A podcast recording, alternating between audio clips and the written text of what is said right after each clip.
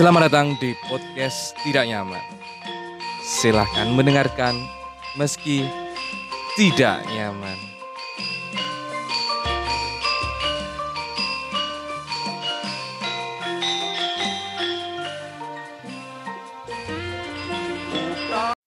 Yo, kembali lagi di podcast Tidak Nyaman ya.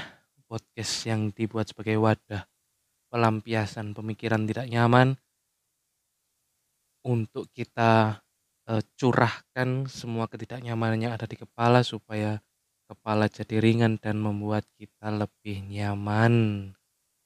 Mungkin bagi yang mendengarkan mendengarkan kata-kata yang membentuk kalimat-kalimat tidak nyaman ya. Mohon maaf ya karena podcast ini untuk namanya juga pelampiasan pikiran tidak nyaman mungkin uh, dampaknya akan menimbulkan bahasa-bahasa yang tidak nyaman bila didengarkan. Ya, tidak semua omongan di sini nggak usah dianggap sebagai kebenaran ya. Ya, uh, ini bukan media untuk mem kalau mencari kebenaran bukan di sini tempatnya. Karena yang ngomong ya memang namanya orang tolol yang sumpek dengan kehidupan sehari-hari. Jadi apa pun lah isu-isu yang ada di kepala dicurahkan menjadi opini-opini yang mungkin agak hmm, yang memang nyeleneh lah ya. Nggak, usah ngomong agak-agak. Ya, uh, di sini saya Sukmanan Tegar. uh, yang uh, yang berbicara ya. Saya Sukmanan Tegar menyampaikan pemikiran saya yang tidak nyaman. Atau kalaupun tidak nyaman, uh, pemikiran yang selalu terngiang-ngiang di kepala ya. Soal hmm, ini sudah bulan September jadi soal Agustus kemarin ya, yang udah lama viral ini. Yang sekarang sudah mulai dilupakan orang-orang karena semua sibuk dengan berbagai macam kasus ya. Tapi eh, karena yang lalu itu aja belum tertuangkan jadi saya pengen bahas itu. yang viral si si Farel viral di Istana Negara. Ojo dibanding ke. Itu memang viral viral-viral yang menarik ya. Uh, sangat menarik karena sebenarnya ada banyak sekali sih penyanyi-penyanyi cilik gitu. Cuma, uh, kemarin ada yang bilang kalau di ini pertama kalinya kalau di acara pengibaran bendera di istana ada acara nyanyi-nyanyi. Kalau tak ingat-ingat itu kayak kayaknya nggak juga sih, tapi nggak tahu ya. Kayaknya memang ini beneran yang pertama karena biasanya setiap tahun yang menjadi sorotan utama itu adalah pramugari bukan? Tapi paskibra terutama yang pemegang baki ya kan? Yang biasanya itu kan mesti uh, viral apa ya? Bukan viral siapa ya? Yang jadi sorotan utama itu kan mesti pram uh, itu ya pramugari terus sih. Uh, paskibraka nah itu pas paskibra itu pas pasti menjadi pusat perhatian apalagi yang cewek ya kan.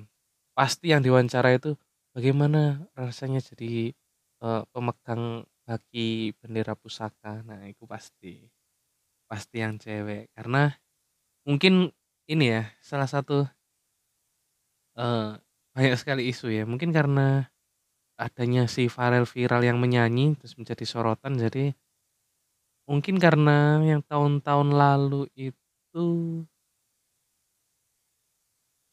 uh, orang-orang terlalu menyoroti kecantikan ya. Jadi seolah-olah kalau mau jadi pasukan pengibar bendera itu can harus cantik ya kan. Dan seolah-olah itu kalau memang orang cantik itu punya privilege ya. Kalau itu sih memang setuju sih. Orang cantik selalu punya privilege lebih di masyarakat Indonesia. Dan mungkin ini uh, yang sebenarnya agak menyebalkan sih, karena kadang-kadang di media yang menurut saya menyebalkan tuh kenapa eee, selalu atribut cantik ya.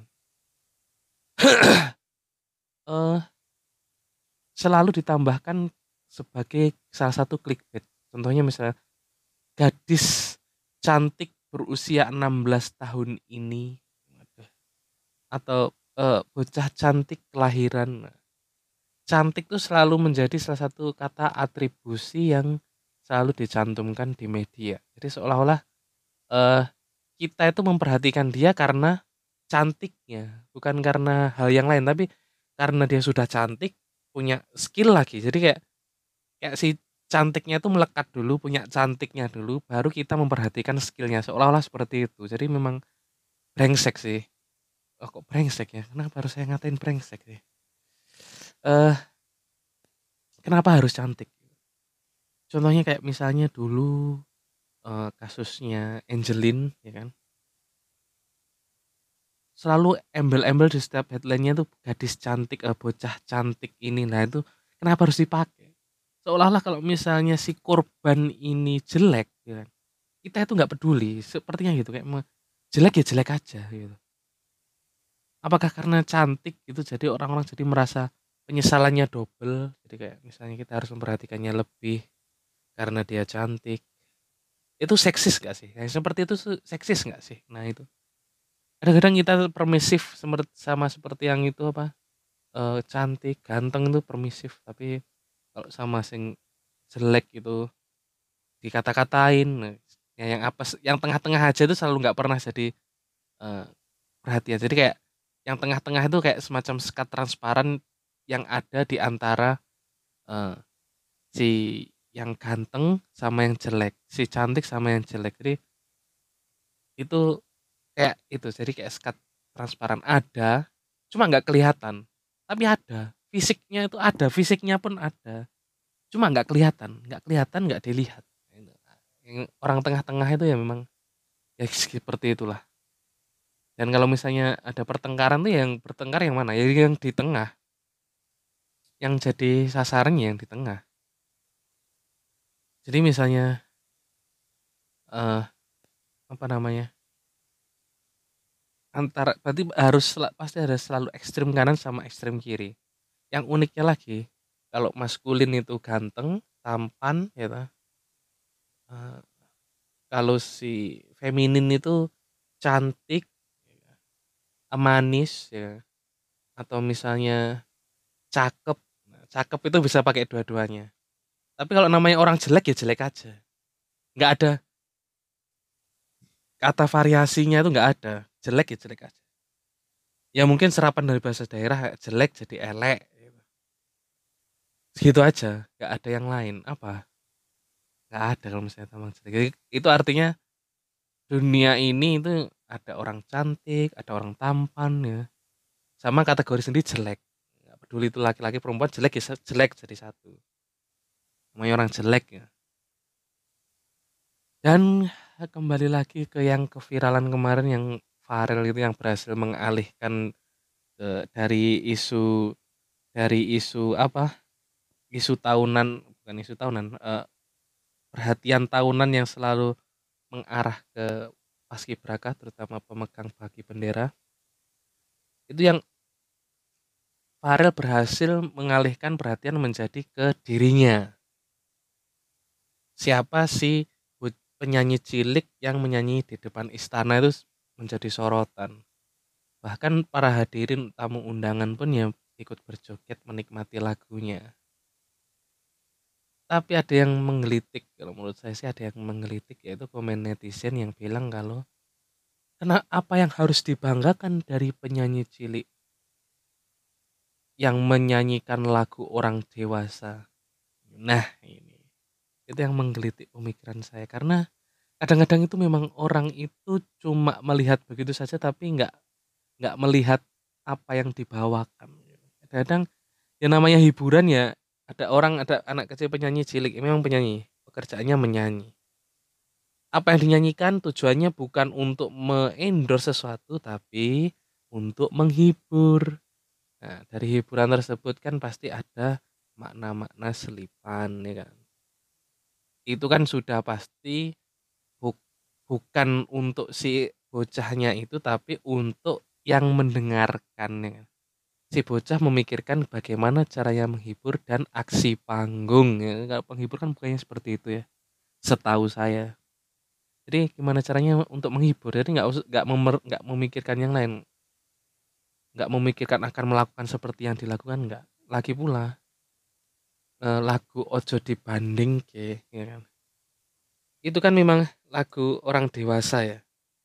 Tapi bukan dewasa dalam artian cinta-cintaan yang yang cinta karena horny atau sange itu enggak. Yang aku ingin ku kecup bibirmu dan atau apa-apalah yang yang eh, bernada-nada sensual itu enggak. Ya kayak kayak gimana ya? Nah, ini yang unik. Nah, ini. Kalau misalnya kita bedah ya kan, lagu Ojo dibanding itu lagu dewasa betul. Untuk eh, relate kepada dewasa betul ya kan. Tapi tapi dewasanya itu bukan karena cinta-cintaannya, tetapi karena di sana ada unsur stoikisme. Aduh, aduh. Apa ada stoikisme? Stoikisme itu apa sih? Aduh. Stoik, stoik. Ya, ini stoik itu yang lagi eh, rame di internet di kalangan YouTube karena ada youtuber yang membahas soal stoik. Nah itu soal stoik bahas aja di YouTube-nya Bapak Ferry Irwandi sudah cari aja di sana sendiri soal stoik. Intinya stoik itu kita itu lebih cenderung eh, memasrahkan sesuatu yang tidak bisa kita kontrol. Jadi kalau misalnya kita itu misalnya apa ya? Di dunia ini banyak hal yang kita bisa kontrol dan ada pula yang tidak bisa kita kontrol. Eh, keberuntungan kita tidak pernah bisa mengontrol keberuntungan. Cuaca kita tidak pernah meng- bisa mengontrol. Tapi kita bisa mengusahakannya, ya kan? Kalau misalnya kita sudah yang kita bisa kita kontrol itu kan usahanya. Jadi kita ya usaha apa saja untuk mendatangkan hujan, untuk mengusir hujan. Kalau masa hujan atau tidaknya itu kita tidak bisa mengontrol seperti itu. Jadi kita pasrah ya kan. Ini sangat berfungsi ya buat orang-orang yang sudah mencapai di usia-usia apa ya, usia apa ya? Di semua usia lah. Semuanya kita bisa kalau ketika menjalani hidup ada saat-saat di mana kita mentang-mentang ya bahasa Jawanya mentang-mentang itu apa? Eh apa strive, strive apa ya kok strive? Kita berusaha ya kan? sekuat tenaga apa pun itu kita lakukan, tetapi hasilnya itu kita pasrahkan kepada si pemberi rezeki Allah Subhanahu wa taala. Kan seperti itu kalau ke nilainya ke Islam ya. Tapi intinya kita yang bisa kita kontrol, kita kontrol. Kalau misalnya sudah tidak bisa kita kontrol, kita pasrahkan. Jadi untuk supaya kita tidak terlalu stres-stres amat menteng-menteng eh, mikir nih, aduh iki ku piye ya, iki ku piye ya, supaya kita tidak overthinking. Kenapa kok bis- bisa begitu? Coba kita bedah dulu lagunya ya. Ini kalau sedikit-sedikit gini kita dapat kena copyright nggak sih ya? Dengarkan suara ASMR dengan layar terkunci dan bersantai tanpa jeda. Waduh, iklan iklan. gratis. Iklan iklan. Iklan iklan piye iklan nih? Masuk bisa.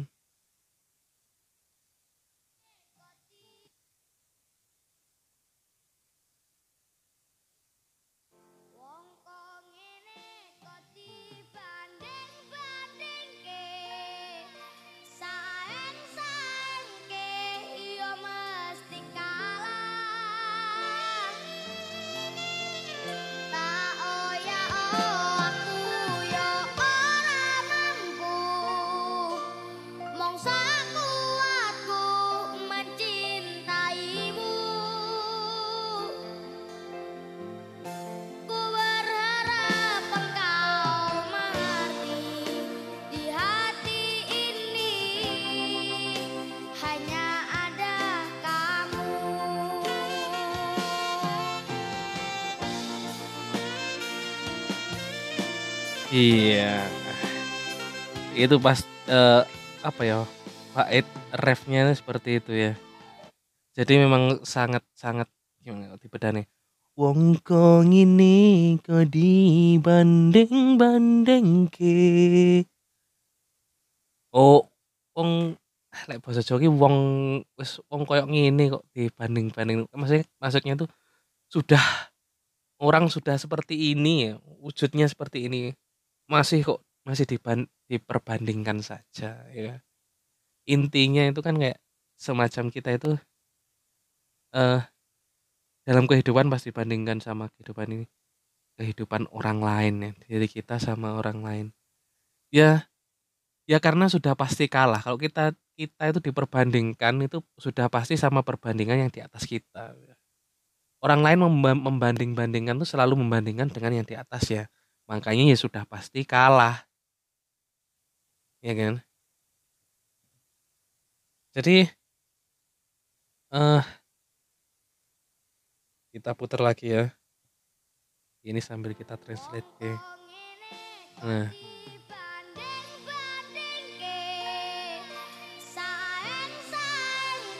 Nah. saing-saing. Jadi kayak dibandingkan, disaingkan pula. Jadi kayak misalnya dari ranking ya kan. Pasti dibandingkan sama ranking atasnya. Dipersaingkan "Oh, itu dia kerjanya kayak gitu, yang dia belajarnya seperti itu ya kan. Diperbandingkan dari segi cara belajar dan kawan-kawan.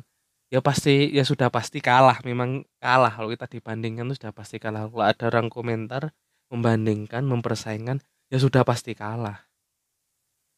Ya karena apa? Karena membandingkan selalu dengan yang di atasnya. Kalau misalnya kita bandingkan dengan yang di bawahnya, itu lebih ke arah bersyukur ya kan.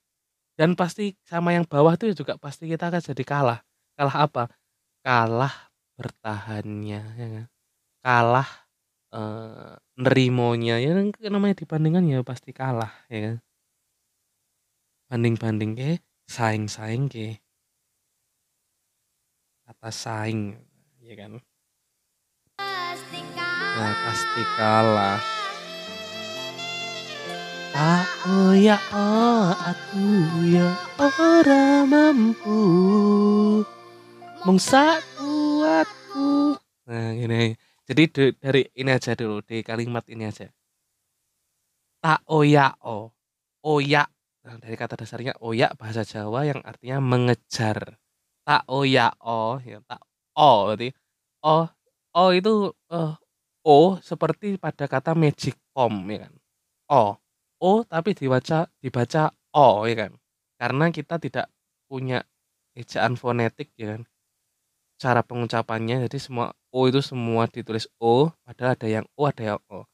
Magic. Ya, jadi yang betul tuh magicom apa magicum ya kan. Kom apa kom yang betul itu? Yang mana angkanya? Kalau magicom yang betul kom jadi eh, tak O ya O, O-nya itu sama dengan O pada magicom. Oh ya oh itu bukan oh ya oh oh oh ya oh ya oh itu lagunya Iwan Fals. Ya bongkar itu Iwan Fals. Oh oh ya oh itu namanya eh, soraan itu namanya. Ini tak oh ya oh aku ya orang mampu ya. Tak uber tak aku kejar pun aku ya tidak akan pernah mampu. Karena apa? Karena nggak akan kenapa kok tidak akan pernah mampu ya kan? Karena kita yang kita kejar itu ekspektasinya bukan hasil capaiannya ya kan?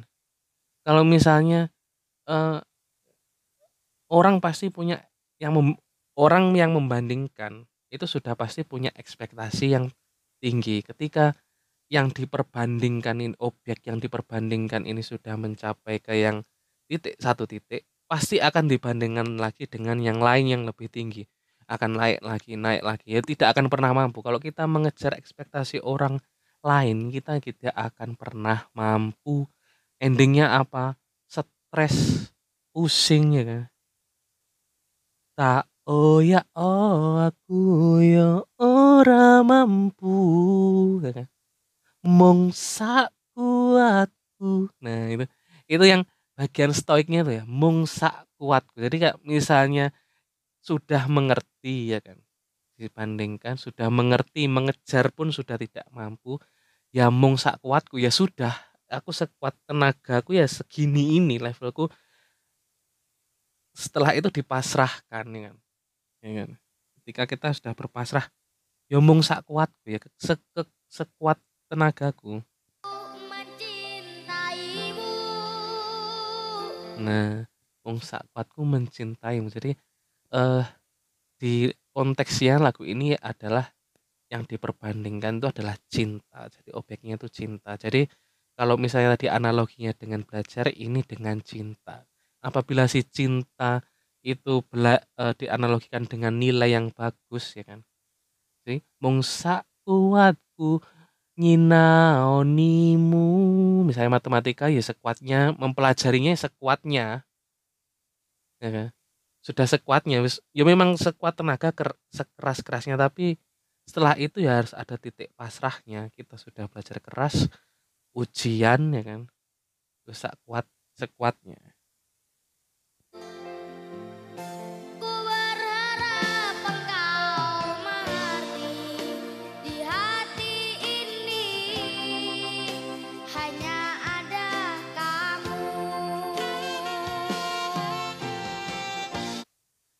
jadi misalnya cinta tadi dianalogikan dengan nilai yang bagus misalnya nilai matematika yang bagus ya kan? Yo sudah sek sekuatnya itu belajar ya kan? Belajar supaya dapat nilai bagus ya kan? Ketika ujian ya kita mengerjakan sebisa yang kita bisa yang kita mengerti semengertinya kita ya kan? Ya kita tinggal setelah itu berharap ku berharap engkau mengerti di hati ini hanya ada kamu. Jadi kayak kita yang ya su- eh, sudah mah ya wes kita pasrahkan ya kan? Ya sambil berharap eh, yang sudah kita sin yang sudah dipelajari lah tadi itu masuk ya kan? Ya itu udah pasrah. Jadi masalah penilaian itu nanti wes pasrah. Itu matematika ilmu pasti masih bisa kita pasrahkan misalnya. Kalau misalnya pilihan ganda ya kan pilihan ganda. Ya mungkin ada pilihan soal-soal yang pilihan gandanya kita random aja dipasrahkan ya kita sudah belajar tapi ternyata ada soal yang tidak kita mengerti ya sudah dipasrahkan saja sambil berharap engkau mengerti ya seperti itu karena misalnya kita lanjutnya kan ke bait kedua ini dapat kena copyright nggak ya? Episode ini yes Bismillah. Lah. ya anggap aja ini seperti eh, video reaction ya. Ini kayak podcast reaction membedah lagu secocok logi mungkin ya.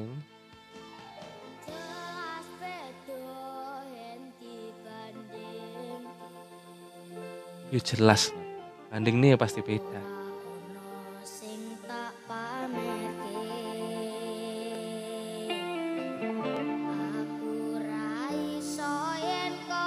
Nah.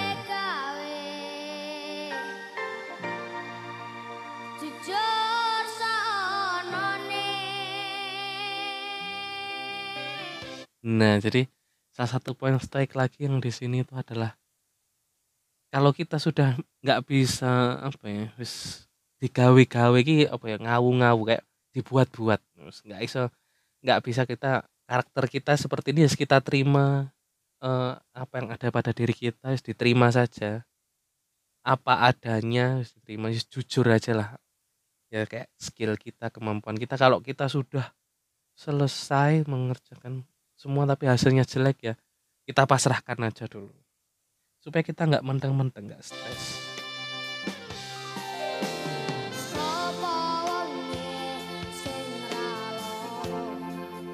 Nah kalau misalnya kita menemui kegagalan ya sudah pasti kita akan sakit hati ya. Kecewa.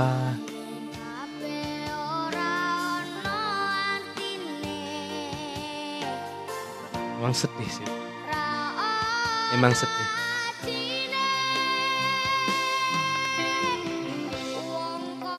makanya kayak kan kita misalnya sudah berusaha ya kan tapi ternyata hasilnya tidak sesuai ya kan.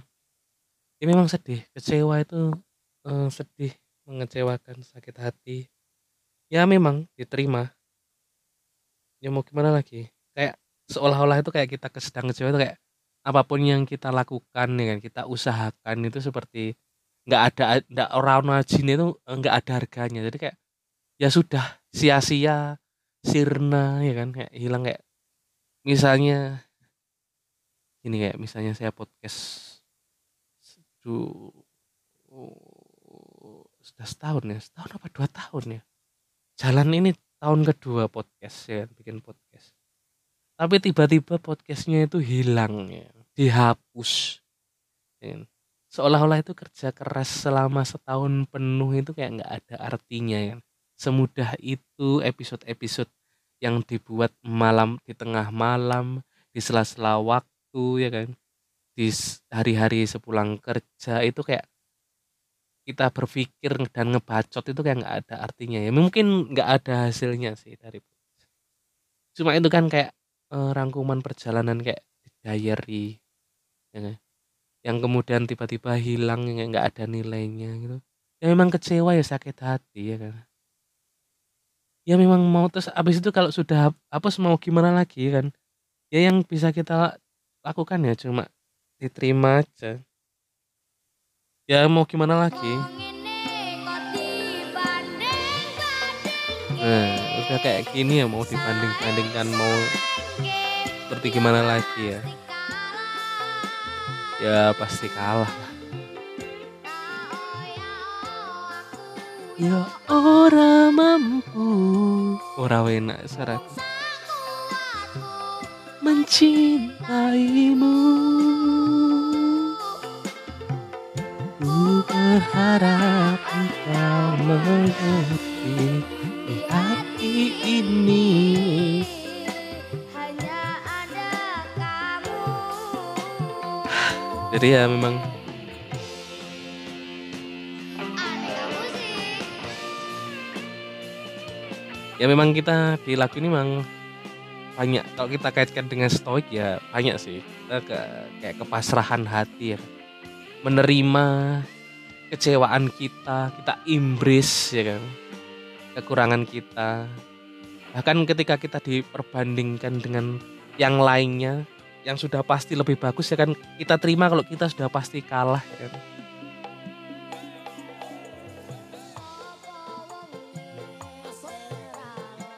Eh, sakit hati ya pasti sakit hati. Ini sudah pasti diulang-ulang tapi kita nikmati aja lagu-lagu ya oke?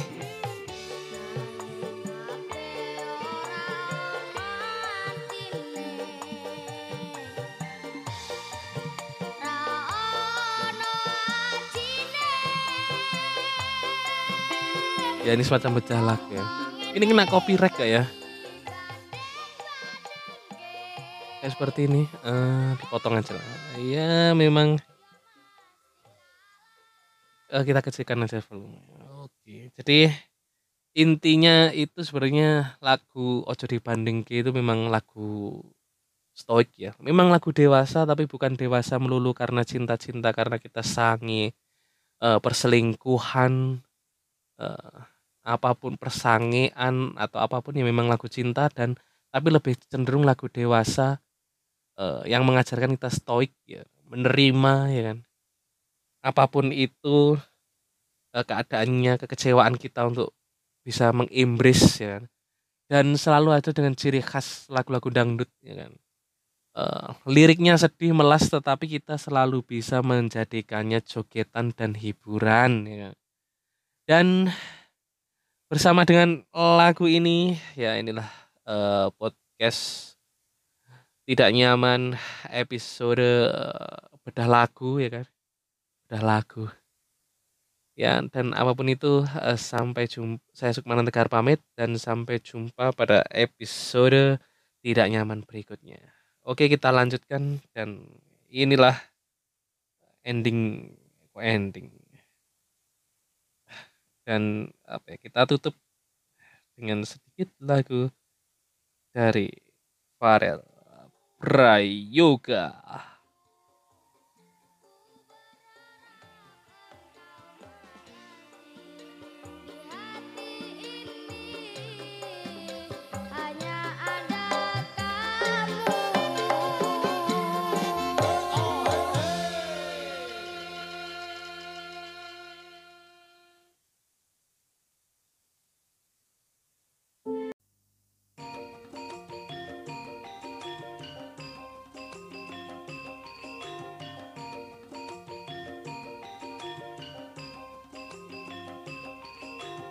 Anda sudah mendengarkan podcast Tidak Nyaman.